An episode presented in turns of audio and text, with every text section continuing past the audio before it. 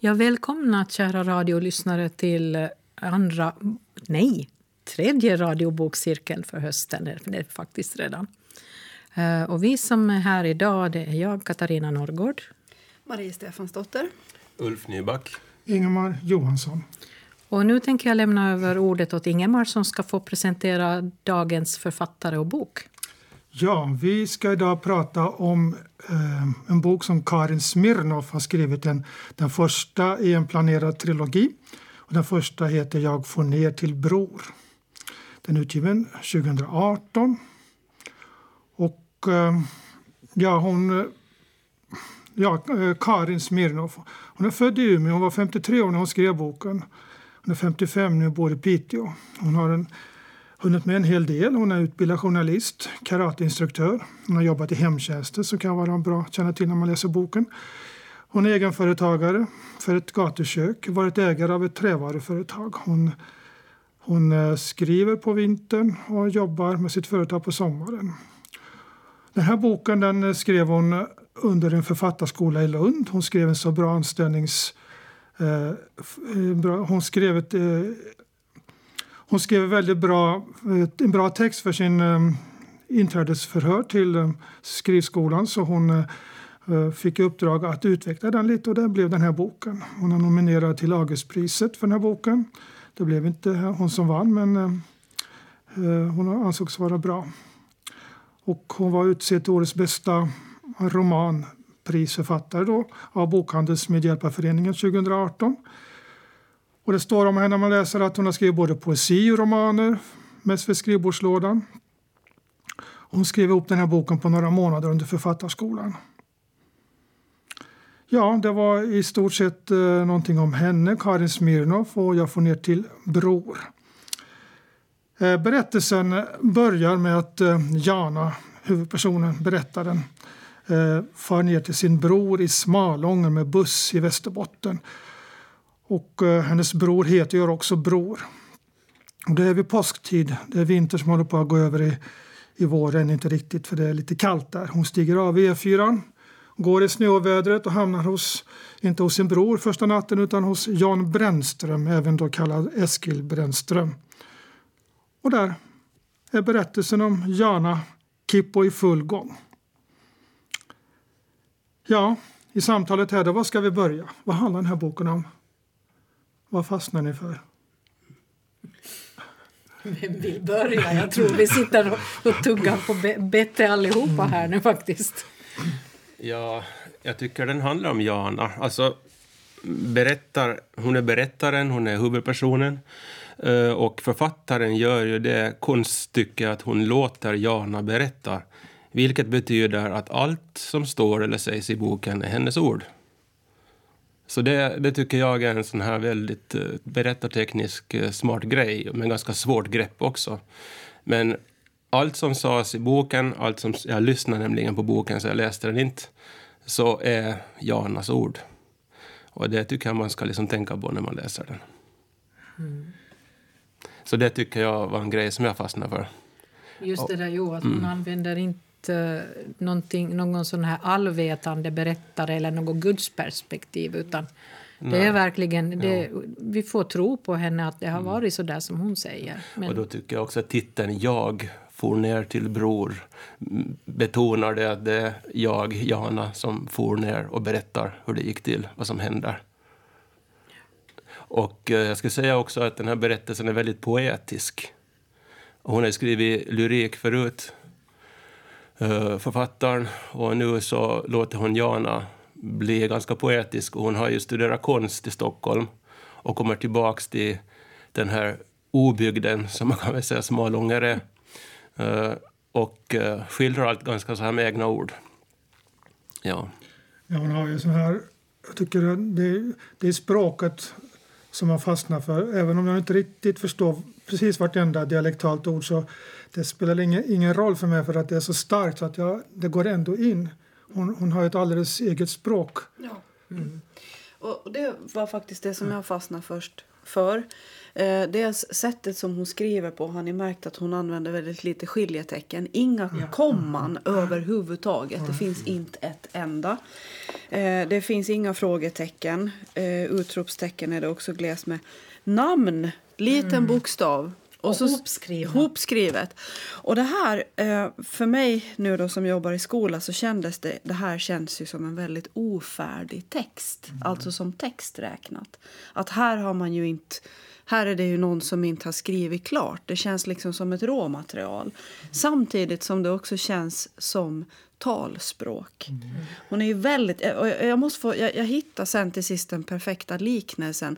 För i början störde det här mig. Eh, att... Eh, för det, det blir ändå aldrig grötigt, men det blir ju ändå lite småkompakt på sina ställen när namn är, är både förnamn och efternamn i ett enda ord. Och så, så blev jag liksom att tänka att varför gör hon det här? För hon, hon lägger mellan sin text och läsaren så lägger hon väldigt litet avstånd. Vi, vi blir dikt emot hennes text. Och det här är egentligen precis samma sak som man upplever när man ser bildkonst första gången hänga på väggen utan glas och ram. Första reaktionen är så här, ja men det här är ju inte färdigt. Det här är ju inte klart. Varför gör de så här? Vad är det här för slarvgök? Men sen så det som det faktiskt ger betraktaren, eller i det här fallet då läsaren, det är att man kommer oerhört nära. Man kommer så nära så att när man nästan känner lukten av orden. Ja, precis där. Alltså, hon, hon lyckas i text formulera dofter. Ja, Det är liksom, jag känner doften. Jag kan inte riktigt förklara doften jag känner, men jag har den i mig. väldigt mycket sunk. Men, Ofint. men där, där ska jag säga att det är ju det här poetiska. Det. Alltså, det är ju medvetet, ett medvetet grepp. Jag skulle säga att ni sa att den inte var, kändes genomarbetad och så. Men jag tycker däremot att hon, hon är medveten när hon använder ett sånt språk. Det är hon alldeles säkert. Ja. Det är absolut inte. Jag menar, ju, jag menar ju inte det att det inte är ett val, utan det är ju ett val. Det här är inte att gå in i handlingen direkt, men just det här, det sitter, det sitter så bra, så, så enkelt och så bra. Snäll eller hade blommig städrock, luktade luxtvål och bulldeg. Jag känner doften precis, jag kan inte riktigt förklara den för det är svårt att beskriva en doft, men hon, hon får in det i min kropp. Och den där, luk- den där luxtvålen definitivt. Det är ju sån där barndomsdoft. Men eh, då kan jag också säga vad jag tycker är poetiskt, det, det är inexakt språk. Och då tycker jag att det beskriver också, språket beskriver Jana. Språket beskriver henne som person. Och då måste vi liksom eh, tänka oss att eh, författaren vet vad hon gör när hon låter Jana berätta på sitt poetiska språk som är inexakt. Hon använder dessutom såna här ord som pors och skvattram. Eh, till exempel när hon beskriver myren. Och, och pors och skvattram, vad jag vet, är samma växt. Fast det, det, det betyder ingenting för berättaren, berättelsen, eller det är medvetet. Ja, det, de passar ihop de där orden. Det låter bra. Efter, då är ja. det poetiskt. Jo, precis.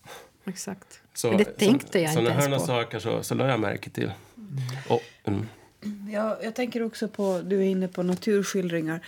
Hon är ju väldigt skicklig på att, att skildra naturens B-sida. Eh, vi har ju läst eh, den första boken som vi recenserar här som hade vackrare, om man får säga så. Mer liksom eh, tilltalande. Men här är det, det är snöstorm, det regnar, man går vilse, det är myrar som suger ner en i slukhål. Det är verkligen Det den suger. där, ja, alltså den där naturens baksida på något sätt. Den tuffa delen. Jag, jag tycker att allt var, var liksom miljö, miljöns baksida. Ja. Jag tycker hela Smalånger var en slags antites, eller om man ska säga att allt var negativt och det blev, kändes lite tungt och lite tröstlöst. Jag tänkte på den här Mikael Niemis eh, populärmusik från Vittula som också handlar om Norrbotten eller Norrland och den var ju humoristisk. Den var ju som man, men den var ju överdriven åt, åt det hållet. Men den här tycker jag gick åt andra hållet. Den här hade inga så mycket humor. Men däremot hade den mycket sån här tragiskt eller, eller mörka sidor. Men det fanns, alltså det är, jag, tycker det, jag tycker att det är helt rätt som du säger, men hon, det finns ju en humor i när hon umgås med djuren. Hon, hon ber tillsammans med djur, eller hon ber att, till Gud att dj- djuren ska sparka ihjäl fadern innan det blir fredag igen. Och sådär. Ja. Eller, ja. ja. Men det, Och då, det finns en, liksom ett, ett kontrakt på något sätt mellan djuren med, och henne och, och sin bror. De är, de är överens, de, de, de tröstar, de stöder varandra. I, I barndomen, i, de minns tillbaka barndomen. Men det är ju inte humor, det är ju också väldigt eh, tragiskt. Att, att hon tar hand om djuren och, och djuren är hennes enda tar kompanjoner. Och djuren tar hand om henne. Ja. Mm. Ja, jag, jag tycker ibland att, att hon... eh, Ibland glim, glim, vad heter det, glimrar hon till på så sätt att jag åtminstone upplever att hon är lite mer världsvan än det här stället hon kommer till. Hon kommer ju tillbaka. Hon ironiserar kanske lite grann över den här hemvården, hur den funkar. Lite sådär att man känner att okej, här, här hade hon kunnat haft en idé om hur man hade kunnat gjort saker och ting enklare. Eller att, där känns det väl ändå som att hon har en, en liten annan medvetenhet om lite sådär. Kan Kanske man, vi ska inte dra lite humor av men självironi. Kan eller så. vi- Ironi. Lite, hi- Hur mycket ska vi avslöja egentligen? tycker vi, ska väl, vi ska väl uppmuntra läsa, lä, lä, höra, lyssnarna att, att läsa den här boken. man, man, alltså hon, hon kommer ju till sin bror, man får inte riktigt veta i början vad det är. Men efterhand så får hon ju själv till Smalånger och så får hon ett uppdrag, eller hon ger sig själv ett uppdrag att rädda sin bror från, från hans misär så att säga. Ja. Och, och sen så söker, hon vill ju söka sitt eget, som jag förstår det, söka sin, hitta sig själv och, och intervjuar och undersöker människorna där i byn. ja, man vet inte riktigt varför. Kommer hon dit eh, för att rädda sin bror? Möjligtvis. Eventuellt. Det är väl inte, men det är åtminstone det hon börjar göra sen. Men jag, ty jag tycker det är så fascinerande. Hon, är ju, hon hamnar, börjar ju jobba i, i hemtjänsten. Och, och det här, jag har också jobbat som i hemtjänsten i ungdomen. Och, Och det kan man och väl det säga här- att jobbar man i hemtjänsten så är det nog säkert en hög Jag igenkänningsfaktor. Ja, det är enormt hög igenkänningsfaktor. Brådskan, allt det där. Liksom, allt, det, det, det finns inte tid för någonting desto mer, men man ska ändå ha tid att vara människa. Och det, det var väldigt lätt att känna igen det. Jo. Och det var ju drabbande. Jo, jo, det var det. Eh, sen, sen tycker jag också, hon, hon säger i något skede så säger hon att en av de få sakerna hon är bra på är att städa. Och hon städar. Vart hon än kommer så skrubbar hon och städar och rengör. Alldeles nästan hysteriskt skulle jag säga ibland. Men jag tyckte allt som, som drabbade henne när hon kom till Smalånger, om, om det nu är älgjaktlaget eller hemtjänsten eller eh, att hon träffar på gamla vänner, så, så liksom är, är på något vis skildrat med att det är liksom eh, mörkt och, och, och lite destruktivt. Alltså. Jag, det, det på något vis, hon, hon gör den här Smalånger till en, en, ett ställe som, som verkligen känns eländigt, eh, tycker jag. Men det säger hon heller aldrig rätt ut. Alltså hon, hon, har, hon tar ju inte ett utifrån perspektiv och, och säger den här, varför kom jag hit till den här hålan, jag ska aldrig ha kommit tillbaka. Utan hon, hon går in i det och så tuggar hon sig ju fram på botten där alla de andra är. Jag tycker det finns en ömhet. Hon går ju till trädet för att och, och titta på de här inristningarna från barndomen. Och hon, det står att hon, hon strök med handen över inristningarnas barnsliga bokstäver precis som en, över en, en blindskrift. Det tycker jag visar på en Ja. väldigt stark ömhet. Jo, inte säger jag det att alltså, det, här, det här mörka och det här eh, melankoliska kan ju också... Det behöver inte vara liksom något riktigt negativt. Och, Det fanns en tystnad, liksom den typ av tystnad som människor här i Smalånger har när man tycker om det, här, här jag hittade, det var ett, ett ställe som jag, jag tyckte hon, beskriver just kanske det där att komma hem till den här glesbygden. Eh, Hon skriver så här. Vid dieselstolpen stod Finn med John Deren. Och John Deren är då ihopskrivet med små bokstäver. Eh, Att komma tillbaka till byn var som att komma tillbaka till The Truman Show. Allt rörde sig i samma cykler. Människor förflyttade sig vid exakt samma tidpunkt. Verkligheten pågick som ett evighetstecken. Finn med John Deren likaså. ja. Och det är just det där, det där evighetstecknet på något vis som... Men så är det ju säger. på landet Ja. och, och långt ut i ingenstans. Att det, det är ju... Jag tycker det var enormt stor igenkänning i det här ensamma åldringar, ungkarlar och ungmöer. Menar du Mystisk. för dig igenkänning? Eh, ja, antar det. Eller eh, ja. Jo. Ja, men jag har suttit på, på landet och tittat på skatorna eller få Ja. skatans flykt framför fönstret. Sen händer ingenting förrän nästa skata kommer om en stund. Jo. Men, Oj! men, men hon kommer ju dit från, från Stockholm. Hon har ju flytt en gång. Hon flydde ju för att det var nödvändigt för att pappan var ju våldsam eh, och mamman var lite överreligiös. Eh, och fly, så flydde hon därifrån och så åkte hon till Stockholm och så gick hon på konstskola och det, bara det är ju en prestation i sig. Och så kom hon tillbaks och så beskriver hon sin, den verkligheten som finns där med sådana här ord som Tetrix, Kafka-ögon, eh, mycket sådana här uttryck som hon har snappat upp då på ett annat ställe än Smalånger. Så hon har ju ett utanförperspektiv som hon kommer tillbaks med. Ja, det stämmer. Jo. Ja. Och jag tycker det, är liksom det språket som hon använder så är ju, berättar ju om henne själv, vem hon är och vad hon har gått igenom. Och så kommer hon ändå tillbaks för att, ja, vem vet vad, men varför kommer hon dit? Ja, för hon säger ju när, när bro, bror, hennes bror frågar henne om hon ska fara och hälsa på, på mamman som är på ett äldreboende. Så, Nej, att, vad, vad skulle jag dit och göra? Så det är liksom, hon, hon vill egentligen inte... Hennes mamma le, de, hon lever i alla fall, pappan är död. Så mycket kan vi väl ja, avslöja. Vi, vi skulle väl kanske behöva prata lite om den här pappan. För det är Pappan, nog en ja. mörk historia. Men, men eh, redan där i början när hon signar kontrakten med att börja jobba för hemtjänsten så, Mm. så kommenterar hon ju även den handlingen som att jag vet inte riktigt varför det blev så här nu men nu jobbar jag här. Mm. Det finns ju en... Så vi får ju inte veta heller varför hon är arbetslös eller varför hon... Vi, vi får ju veta... Vi får inte veta någonting om hennes bakgrund egentligen. Vi, som, det är kanske som du säger, då, för att hon, hon, prat, hon, hon, det är hennes röst vi hör. Hon vet ju själv vem hon Ja. är. Ja. Jag som läsare vet kanske inte, men jag får gå in i frågan. Hon, hon söker ju sitt, hon söker någonting, försöker komma underfund vem hon är, var kommer jag ifrån och så vidare. Varför är jag den här? Och, och, men hon vet ju förstås det vi kanske inte vet. Någonting. Jag ska ta ett exempel på det där med, jag menar, med poetiskt språk som man måste liksom vara ganska så här känslig för. Till exempel så spelas det mycket musik i den här boken. Hon lyssnar på de här skivorna som finns i Kipposgården, alltså där, som föräldrarna har lämnat efter sig från 70-talet. Och bland annat eh, Evert Taube och den här Så länge skutan kan gå.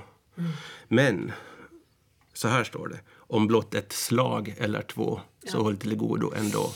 Det heter inte om blott en dag eller två. Hon blev slagen när hon var barn. Och det här ser jag som ett medvetet drag av författaren att beskriva en verklighet som, som hon får som själv berätta. Men hon gör det på ett sådär subtilt sätt kan man väl säga. Sen gör hon ju också, och som du var inne på också Ingemar, att hon, hon använder sig av dialektuttryck. Hon kryddar texten lite med dialektuttryck. Men det känns inte konstlat. Ibland kan man tycka att, att nej, men vad, vad, vad, vad håller författaren på med? Det här är helt onödigt. Men i det här fallet så hon, hon sätter in dem på sådana ställen där det känns väldigt naturligt att man skulle använda ett dialektuttryck. Men Jag, tyck, jag tycker att hon... Det är nästan inte ens som att hon kryddar utan det är som Nej. att hon lägger med färdigt. Man låter en eh, purjolök och några morötter koka med där i kalopsen. Det, Jo. och så bara... Men Så det är blir väl- det bara Det jättejättebra. är väl så man pratar där i Ja. Ja, ja, jo, jo, det är det, det, är det jag Hon, försöker denna komma till. och sådana här. Hon, denna. Jo, hon denna. kallar sig själv för hon denna Och, och också de andra pratar om eh, så kommer hon denna hit. Ja. Att det liksom blir sådär. Och njana. Ja, Nu, så Där det är skrivet liksom. Så. Men fadren, fadren. fadren och modren. Ja, för han, han har ju ett, hans historia är ju inte heller så lätt. Det handlar rätt mycket om skuld. Och skulle man tala i religiösa termer så ska man tala om arvsskuld, arvssynd. Och de, vem, vem, vem har rätt liksom? Vem, vem, har, vem, vem kan man beskylla för det, det liv man har? Finns det någon sån skuld sist och slutligen? Mm. Ja, den gick ju i arv för pappan blev dåligt behandlad av sin pappa och använder samma uppfostringsmetoder, eller vad man ska kalla det, på sina barn. Det, det finns en scen där, där pojken eller bror blir satt i hundkoja med ett hundkoppel på sig. Mm. Och det har pappan själv också råkat ut för. Så, sådana här riktigt grymma scener. Det är på ett sätt en... Eh, eller det, bror, alltså sonen då. Han, man har inte rätt, säger han, att bara för att man haft en dålig barndom själv behandla sina barn illa. Så, men man kan liksom inte tänka sig att i boken, det som, ger, det som jag får del av det är att var börjar skulden så att säga. Mm. Sen måste jag ju fråga, vad, vad, vad tyckte ni om Maria? Gestalten Maria, som vi ju aldrig får träffa för hon är död redan när boken börjar. Jag ser det som en gåta. Hon är gåtan. Eh, hon är nästan orsaken till att eh, Jana liksom forskar i allting och läser en massa brev och pratar med människor. Hon kommer ju fram i historien från alla människor hon träffar nästan. Vem var Maria? Och hon var den som var tillsammans med alla karlar i byn. Och, och så här. Mm. Men eh, sen i slutet så tror jag att hon, hon, hon byter liksom gestalt i mm. boken. Hon Göta sveket står det någonstans. Ja. Jo. Det var inte hon själv som sa det, utan det var någon annan som sa det om henne. Eh, ja, hon, hon blir ju som ett... Eh, alltså som, som någonting jäckande samtidigt. Därför att för varje person ett tag som Jana träffar så, så slutar ju nästan det där, det, där, det där mötet med att hon får syn på ett foto av Maria i bilen eller man mumlar ut till sist att ja, men det fanns en annan. eller så där. Att Det är ju man efter man efter man. Och också kvinnor har kopplingar till henne, inte kanske sexuellt. Men, men hon är ju verkligen ett centrum. Mm. En, cent, en centrumpunkt som det, mm. trådarna jo. går ihop mot. Och, och, liksom mot slutet så det blir mer och mer att man får reda på mer och mer om Maria och vad hände med henne. De hittade henne död på en äng. Och vem hade tagit livet av henne? Mm. Och så dessutom den här John som, som håller på och målar så har en utställning där hans målningar beskriver Maria, eller de är av Maria. Hon blir bara smalare och smalare på varje målning. Och de här tavlorna i sig är ett mysterium och liksom som har ganska, ganska så här stor spänning runt sig. De här. Och, och Jana tittar på de här tavlorna också. Och, och på något vis så, så är de här tavlorna liksom leder fram till också vem, vem är Maria och vad händer med henne. Alltså det, det är mycket sånt här som man bygger liksom boken runt den här gåtan, vem Maria är. Mm. Och det säger också lite om vem människorna runt omkring henne är. Hon diskuterar ju det i boken och samtalar om det. Liksom, eh, vem den som i leken säger ge får leken tåla, och så talar man om kvinnorna. Men här lyfts det också fram då och diskuteras vad är det som gör att männen är som de är. Det är inte bara Maria som är, utan det är en relation. Ja, alltså, ingen är ju... Uh, i, i, ingen är ju god i den här historien. Det finns en tant, den ja. tant Ella, snäll ja, Ella. Snäll Ella. Ja. Snäll Ella. Ja. ja. Hon är, hennes hon är god, god. son, eller heter Bäckström. Mm. Annars så tycker jag att det är lite, de är lite som, eh, som kugghjul eller brickor vi, vi får se först en sida och så snurrar de sakta vidare så får vi se andra sidor och så får vi se någon riktigt dålig sida och bara det matar på så, så har man kommit liksom hela varvet runt och då är samma person schysst igen. Ja, men, Paris är jul. Ja, så känns det. Är det själv då? Ja. Det, det är jag själv egentligen.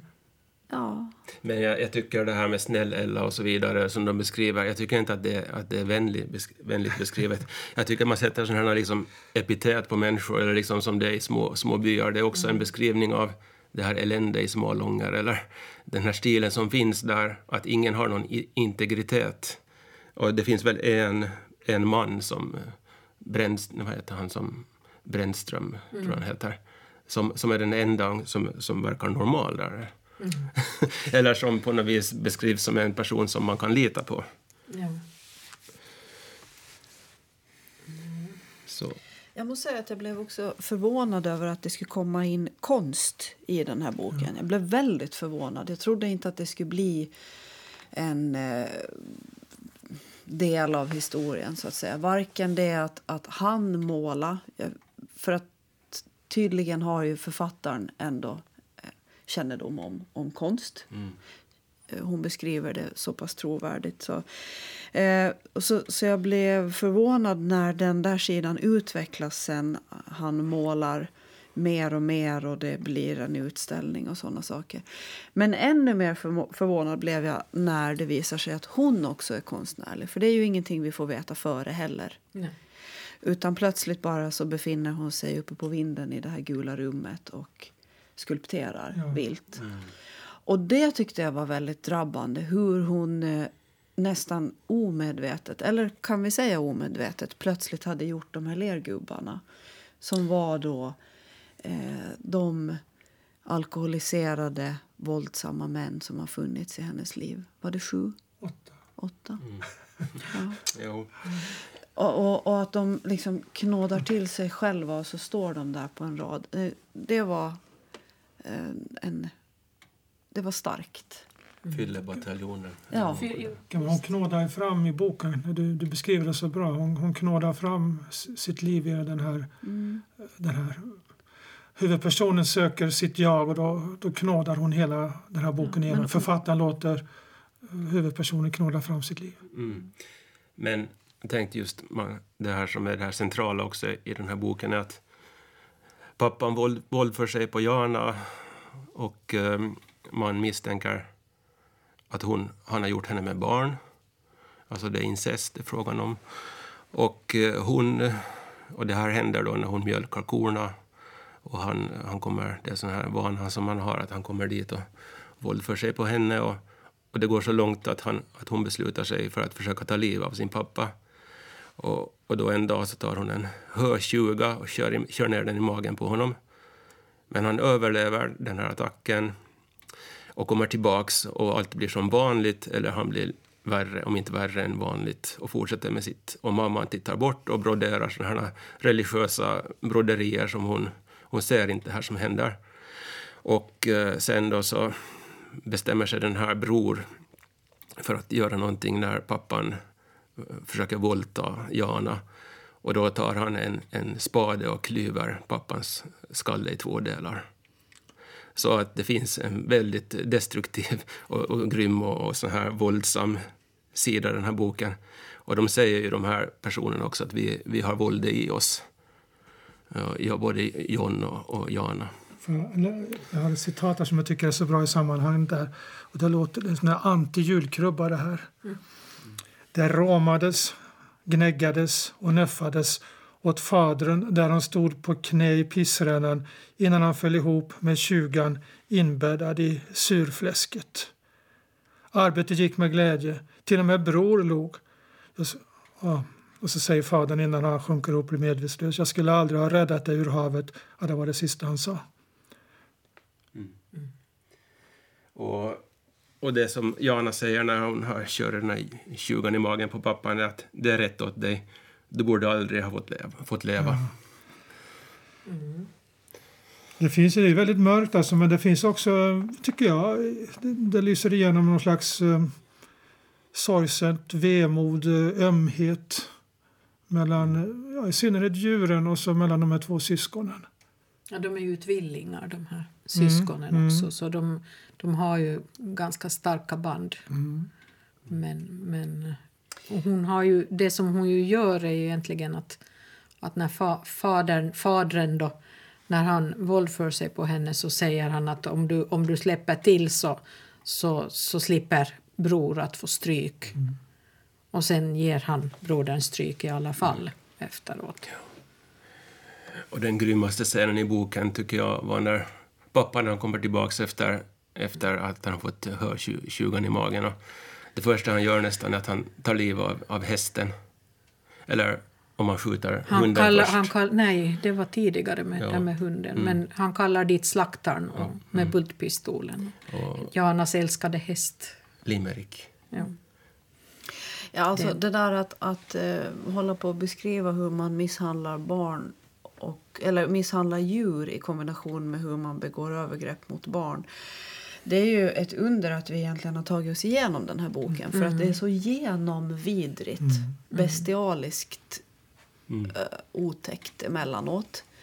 Eh, men eh, det tycker jag är en av författarens förtjänster, att det är uppbalanserat. Ja. Alltså man tar... Man, eh, paradoxen är att man vill tillbaks och läsa den här boken.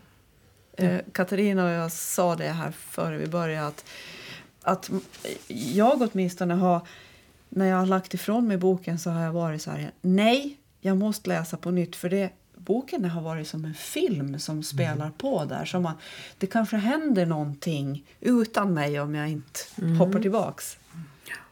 Väldigt eh, ja, Ja, gripande. men det, det är så väldigt fin, många fina formuleringar, få små roliga berättelser i den här romanen tycker jag. Och jag tycker att den här, um, det var lite eller dråpliga små berättelser. Jag tänker på den här minnesstunden eller fylleslaget om man nu ska beskriva det. Där, um, eh, det, det var ju då gratis sprit med påfyllnad. Ja.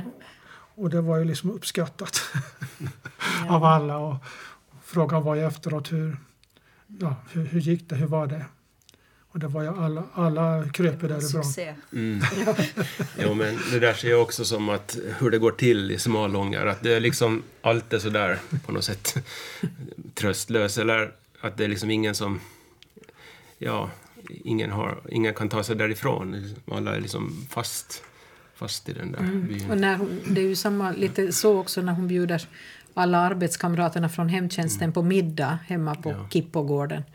Så, så det här, eh, det, blir ju världens fylleslag det också. De, är, de kryper ju hem, Ja, de så- flesta så där spelar också. de sanning och kondis med, en- med en vinflaska som snurrar på bordet. Och den som den pekar på så måste antingen berätta en sanning eller så måste den dricka. Eller det var inte en vinflaska, det var en spritflaska. Och det betyder att istället för att bli stupfull så berättar man sanningen om sitt liv. Och då kräver de här kompisarna att, att man ska berätta de värsta sakerna. Och riktigt liksom de värsta Intima saker. intima saker. Och det blev som ett smalånger liksom i, i, i snabbspolning tyckte jag. Det var lite Big Brother över det hela nästan. Mm. Och sen har vi den här Diana också som är, som är Janas barn, som hon inte, eller dotter, som hon inte träffar eller får träffa i slutet på boken. Jo. Ja. Och, och det vet man inte om det, om det är med pappan som hon har fått Diana eller om det är med John. Och det blir oklart. Och, och Diana vill ju inte, eller har ju inte träffat Jana då på hela sitt liv och hon är väl eh, 20 år kanske. Lite mera. Lite Ja. mer. mer. Ja, och, eh, och då läser, läser Jana brev och, och som, som Diana skickar åt henne som, som, som någon har gömt undan som hämnd. Katarina, en kompis, barndomskompis, har gömt undan breven som hämnd för att hon har varit tillsammans med någon pojke som, som de höll på att strida om i skolan och sådana här saker. Jo, det, det är också en... Jag tycker att hela den där vännen Katarina, det var ju också en, en obehaglig upptäckt för Jana. Att hon... Sista sveket. Ja, men, men hela det, det är ju också en sån där rise and fall. Hon kommer dit och börjar jobba i hemtjänsten och plötsligt så märker hon att det finns en, en palliativ en, en människa i hennes egen ålder som ligger liksom på... Hennes bästa vän skrivs, beskrivs hon ju som. Ja, men det, det, det får ju vi veta sen lite senare först egentligen när Mm. hon dör. Att, att Jana viskar då att du var min bästa vän. Och då fattar jag först att okej, det var så nära, det var så viktigt. Och, och då än så länge är ju allt ganska fine. Men sen börjar det ju hända grejer. Mm. Alltså, hon träffar ju Diana för Diana har en konstutställning där John ställer ut sina, sina tavlor. Och, eh, och Diana kommer till sjukhuset när mamman har blivit sjuk, eller när Jan har blivit sjuk. Och då så berättar Diana en, en märklig sån här historia, eller en, en, liksom en saga, som jag tyckte var mycket avancerad för att vara en 20-åring som har växt upp i Smalånger. Men den handlar väl... Vad handlar den om? Det handlar om Men- hennes liv. Men hade hon växt upp i Smalångar, Ja. Diana? Då? Det var väl... Nej, det hade Hon hon blev ju Hon, bort, bortadopterad. Ja. Som nyfödd. hon hade frans, någon fransk mamma. Och, Jo. Jag tyckte det var lite, kanske det var en bra historia Mm. att, den, att, det, att, den, att den behövdes den stormen. Jag tyckte annars det var lite så här Fanny Alexander-slut på det hela. Mm. Allting var lyckligt. Allt, det finns liksom ett lyckligt slut på den här berättelsen. Det är väl inget fel på att, att det är bra. Men liksom, som story i en bok så verkar det lite för bra på något sätt. Ja, alltså det kommer igen det här poetiska när mamman börjar, när Jana börjar drömma. Alltså hon drömmer också mycket. Och man vet inte riktigt vad som är, vad som är sant och vad som är falskt. Att hon drömmer att hon går ner sig i ett träsk och där på botten sitter pappa och, och det är mycket sånt här när hon är sjuk. Så man får liksom flera olika såna här nivåer eller dimensioner i den här boken. Mm. Ja. Ja, det finns, jag tycker det finns väldigt mycket fina som jag sa, bilder, det finns mycket dofter, det finns, det finns ljud. Och det, och det finns tystnad, en sån här tystnad som vi håller på, som man känner när man mår riktigt bra, när vi tycker om varandra. Och sen finns det, det som jag också läste, det här, de här beskrivningarna, alltså män, människobeskrivningarna. Mm. Eh, det, de är väldigt eh, nära inpå, tycker jag, för ja. det mesta. Att det, det, det är inga smickrande bilder när hon beskriver någon sån fysiskt hur de ser ut. det, som jag, det var faktiskt i början av boken så är hon med bror och handlar till ICA-butiken och de kallar för familjen, när familjen som har butiken kallar de dem för Ikander för nåja. Det var en härlig bara story. För att, ja. Eh, och, och så, så det här går bror där och, och, han går efter som i trans och luktar illa, skriver hon. När han plötsligt fick syn på Ikander den äldre och stannade vid stapelvarorna. Två burkar kronärtskockor, tack, sa bror och fick en lång blick tillbaka. De satt högt upp alltså. Kronärtskockorna stod längst upp. Dammiga som konserver i ett krigsförråd. Handlaren flyttade stegen en bit och klättrade upp. Vi stod nedanför och såg hur trappstegen bågnade under hans kropp. Herr Ikander var inte bara fet, han var enorm. Rumpbollarna svängde som alla dåber. Svetten rann ut med kinderna, andningen pep ur hans väldiga bröst. För helvete, viskade jag, var det nödvändigt? Bror flinade elakt när mannen kom ner på golvet igen och räckte fram burkarna. Varsågod, sa han. Hoppas de smakar lika bra som sist. Mm.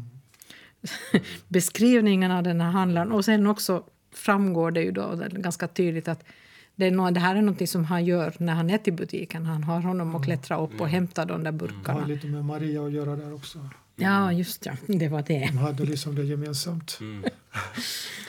Men han gillar inte ens kronärtskockor. Det framgår sen lite senare att han gör ingenting med dem riktigt.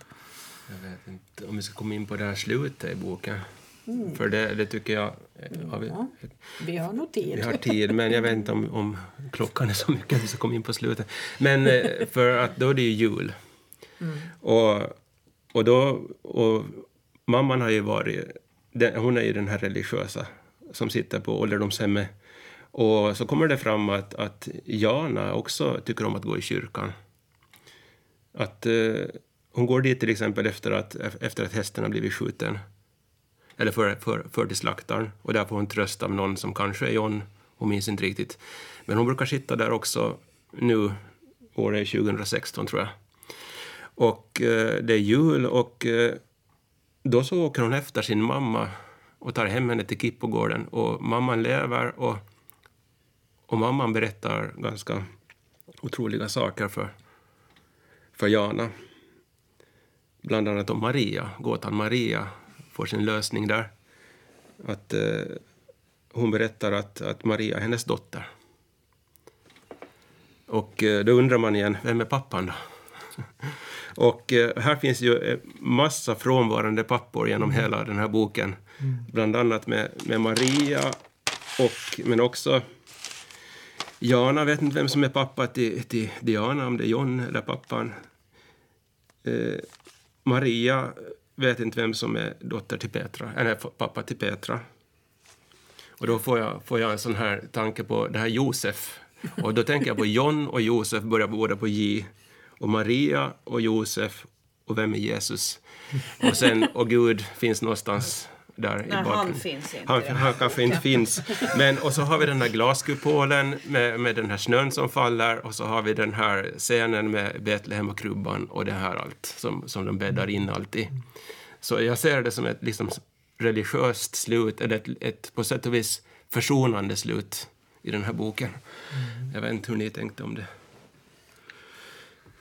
Att då kommer alla de här Kippoborna in på Kippogården och hon låter alla komma dit och mamman är där och på något vis att hon förlåter all, alla då. Det kan man väl inte utesluta en sån läsning men det, det är väl någonting man får fundera vidare på om man läser den på nytt. Mm. Men det, det, jag, jag tänkte faktiskt på det också, just, just det här slutet. Att det på något vis... den är ju egentligen... Det är ju lite hemskt att säga, men det är en ganska hopplös berättelse på många vis mm. samtidigt som, som den har liksom sin, sin alldeles egen charm. Men, men det här slutet ger liksom en viss förhoppning. Det känns som att de, de håller i alla fall ihop, de här människorna. Eländigt må det nu vara, men de, de är liksom... Mm. Är det inte bara för att det är jul då? Tror du det? men alltså det finns ju... Vi, vi, tar den här stjärnan Sirius då, som förekommer på många ställen i boken. Ja. Att det, den är ju också en sån här... Var det inte den som lyste över Ja, det är ett sätt att läsa det. Ja. ja. Och då, då kan man tänka att, att eh, det går mot det här, att det är liksom medvetet uppbyggt med den här, allt löses, allt liksom, bitarna faller på plats. Och hon försöker hitta någon tröst, eller också till läsaren förmedla någonting, att, att det finns liksom någonting ändå. Det är, det är väl kanske någonting man kan skicka med till lyssnarna, att läsa, läsa den här boken och eh, kanske hitta mässan i det hela. Den, mm. eh, det tror jag en, ett, kan vara en, en, typ av läsning som man skulle kunna ha glädje av. Mm. Syndabekännelse, det var hela tiden syndabekännelse, syndabekännelse. Och det finns ju mycket, många är ju religiösa men på sitt eget sätt kan man väl säga. Och det är inte det, av det goda slaget alltid. Men då, det beskriver ju också en, en epok i, i tillvaron som kanske går tillbaka längre tillbaka. Det är ju, tiden går ju ganska fort, eller utvecklingen går ganska fort när det gäller moralfrågor i vår, vår tid. Så det är inte länge sedan man hade folk i kätten för att de var lite annorlunda och sådär. Fast vi tycker idag att det är hemskt, men det var inte för 30-40 år sedan kanske. Men jag tänker också där i Norrland att allt är ganska sådär polariserat. Alltså antingen så är man religiös eller så är man en sån som, som är raka motsatsen att på något vis så är det lite den här... Jag tror att läsa in lite för mycket i norrla, norrlänningar. Jag tror att det är med ett Ålandsperspektiv. ja, men vi, vi, tänker, om vi tänker på mm, att det, det, är lite sådär... Pappan är religiös, mamman är religiös, de går till mm. kyrkan. Och går de inte till kyrkan så beror det på någonting annat. Det beror inte på att de inte är religiösa utan det finns liksom skäl till varför de gör si eller så. Men det är ju en hård, ett hårdhänt sätt att tro. Ja, alltså jag, har ingen, jag, jag, nej, jag läser nej, boken, alltså jag kan ja, inte ändra boken. Nej, nej, nej. nej jag, jag, menar inte så heller, utan det var bara som en reflektion. Mm. Också den här mamman som väljer att titta bort, se bort mm. från det mm. hennes man utsätter deras barn för. Och istället så sitter hon och broderar Guds mm. ord. Det är ju som grädde på moset. Det blir ju liksom... Jo, men det. Jag tycker att alla, alla skildringar som är liksom norrifrån så på något sätt så dystra och det är just den här uppdelningen mellan, mellan religiöst, starkt religiöst och sen den här raka motsatsen. Och, och, så har man ändå inte någonting annat än, än religionen till slut. Alltså, inte vet jag nu. Det är bara så att jag tycker det ser, jag ser ett mönster i det. Eh, och jag, då, jag, jag, vet inte om det är så på riktigt där. Men... Mm. Jag tänkte också ännu på det. Nu, nu, nu är det det här... Eh, både från den tiden när man, när man läste böcker för, för barnen när de var små så finns det en, en bok som heter Petson och Findus firar jul kanske eller någonting i den stilen. Uh, och, och det här slutet med alla grannarna som kommer intrampande sen och hojtar god jul det, det kändes nästan som det var taget ur den. Liksom. Det, det är samma sak. Där har Petson råkat ut för en olycka och skadat foten och kan inte göra någonting inför julen. Han kan inte baka och inte kan han fixa julgran. Och sen plötsligt så dyker det upp massor av människor som alla har mat med sig och är jätteglada. Och alla grannarna fast, Fa- Fastän det liksom... Kändes overkligt. Nå, lite, jo. Ja. Alltså det, det, det stämde liksom inte riktigt överens med det övriga. Det verkar lite förhastat det där slutet nästan Ja. som att de pressar in just det där så mycket i de där två sista kapitlen. Mm. Att, eh, att det blir liksom, hur ska jag sluta? Jag måste rädda den här historien eller hur ska vi knyta ihop den? Nej, jag tror att hon, kny- hon knyter inte Jo. Mm. ihop det utan hon knyter det vi- vidare till nästa bok. Ja. Säga en sak? Jag upp, upp, eh, såg här att det finns eh, 52 brev som hon läser. Och det finns 51 kapitel i boken. Ja. Kan man, jag tänkte så ja, är det ett kapitel som hon lämnar över till läsaren eller början på nästa bok man kanske, som, vi, som vi själva ska fantisera ihop? Men eh, man tänker efter så har hon ju då alltså skrivit en bok till om den här Jana Kippo som hette Jag får upp med mor. Och, och det är ju så här att i det här i slutet så får hon ju reda på lite mera om mamman som hon inte har vetat faktiskt. Så det är tydligen Tydligen har mamman bara suttit där i sitt hörn och tigit och lagat mat och, och broderat sina religiösa sentenser på dukar. Jo, hon, hon visste Så hon har inte ens vetat att, att hon var finskspråkig, att hon talar, att meänkieli var hennes, hennes modersmål. Och det får hon reda på riktigt på slutet, så, så man undrar ju lite att, att eh, kommer det liksom På att... något sätt så tack vare brors nya flickvän Angelica så känns det som att hon parkerar honom i Angelicas famn där. Ett- Lite sådär som att... Ja, ja, gå. I storyn alltså så här att ja, men nu kan jag släppa honom för att Angelica tar hand om honom. Så Men då är så- det ju modern, modern kvar då. Så sa Jana också att, att en dagmamma till, till bror. Att det, det är ungefär det som, som har hänt. Och som läser det, man, hon vet inte vad hon ger sig in i men ho- hoppas att hon hålls kvar där. Ja, det är väl så att hon ska slippa det där ansvaret som hon ändå känner för honom. Vi har, vi har pratat väldigt lite om hennes relation med John. Jo. För Och den är, för, för mig är den, den är väldigt eh, viktig. För att den eh, ändrar ju kurs på hela den här. Det är ju dit hon hamnar första natten utan att riktigt... Det är ju inte alls planerat när hon går vilse, blir upplockad. Eh, jag, jag tycker att eh, den är också... Ännu när man är där i boken så har jag ingen aning om alls vart det är på väg. Vem han är, hur han ska gestaltas och så vidare. Och han, han får ju också väldigt många ansikten under resans gång. Och Han blir på något sätt också en... Man funderar på, när man ska argumentera, liksom, måste man ha någon vägg eller någon annan att argumentera mot. Så för, för Jana blir kanske han, den där väggen, hon, hon hör en story, sen får hon höra en alternativ story. Mm.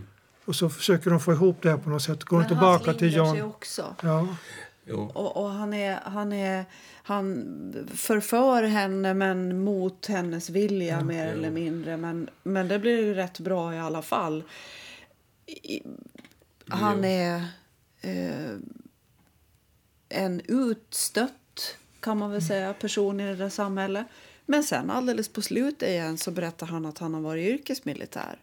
Han, är, han är ju harmynt och han är såld, såld av sin pappa som treåring till, till Janas farfar. Och som, och som han blev dåligt behandlad. Han fick vara dräng på, på Janas farfars gård till exempel.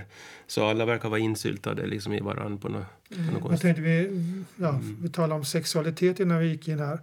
Att det verkar som sexualiteten och sex, sexrelationer är på något sätt amoraliska. Det, man får ingen känsla av att det här var fel, det här var rätt. Utan man går in i berättelsen och så finns det ett liv där. Ja, det är liksom, de kan inte stå emot, känns det som. Det är lite primitivt. Att det, de säger ju att det, vi är drabbade av Stockholmssyndromet.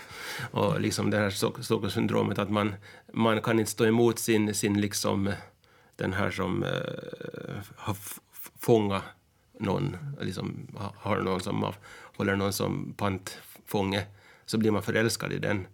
Att, att på något vis är det så att, att vi, vi, de, kan inte liksom, de är båda drabbade liksom lika mycket och de, det finns ingen utväg.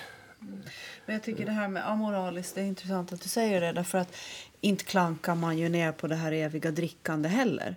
Utan man bara konstaterar, ja nu var han full igen. Och inte finns det heller någonting om att han, när ska du nyktra i eller hur länge tänker du dricka eller så. Utan men det är bara så här, jaha. Och så börjar de dricka på fredagen. Fast bror hamnar ju förstås in på torket. då, Men, Ja, jo, Men men... ja. Det går bra så länge de har råd och sen när han inte har Precis, råd längre så ja. då hämtar hon honom. Ja, och då får det bli hur det blir. Så, men det är ju inte moralen som driver det ena eller det andra. Den, Finns det någon moral, tänkte jag säga, alltså, i den här boken? alltså, det är just det som jag menar, att, att den, den är på något vis utan botten eller så. ja, eller är den bottenlös kanske? Ja, bottenlös. Kanske snarare gungfly. Det känns lite så ibland. men om man nu ska... Den, ja, man kan säga det på olika sätt men hon är väl där, tänker jag mig, för att det är som ett helande genom att besöka den här byn. Mm, fast det har hon ju ingen aning om när hon åker dit. Nej, men jag tror kanske... Skri, ja, det frågan är... Talar vi om eh, rollfiguren eller författaren? Och så. Mm. Jag, ser, jag ser det som en, en sån här melankolisk, poetisk berättelse som just passar in med den här eh, Visa i Molom av Alf Hambe som, som hela, hela låten skildras i den här boken eh, blandad blandat med, med ett telefonsamtal. Ja. Så jag, jag tycker det, det är också ganska så att, liksom, anger tonen för hela boken. Den här Visa i Molom. Vad säger vi riktigt om den här boken? Ska vi... Ja, den ska läsas tre gånger minst. Ja, Den är värd att läsa. den är definitivt en, någonting som stannar med en ganska länge Det är så mycket, att man, mycket som man inte har gjort har, saknar man inte. Man kanske inte saknar boken heller om man inte har läst den. Men när man läser den så blir man orolig över att tänk om jag inte hade läst den här boken. Precis. Där tror jag vi ska ta och knyta ihop. Och så säger vi tack till alla er som har lyssnat idag. Eh, Nästa gång blir det då en radiobokcirkel i november. Och då kommer vi att prata om Sanna Tahvanainens nya roman Körsbär i snön. Så vi hörs då igen. Hej då! Hej då! Hej då.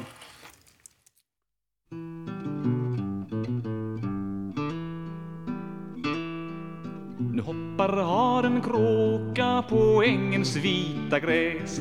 Nu glider gladans lint i snögans når I långa lopp och längslar min kropp i molom går. Ty slokar sol på natt och samma näs. Stjärnor i skelång dödom delom Vind går i felom, spelom Nu duggar dag från Dejlom i mörk och månan sjö och stjärnor stinga hål i himmelen min lyckans glada glejon, när kommer du igen? Ty kommer du skall vissom liga dö. Stjärnor i skelom, dödom delom Vind går i felom, spelom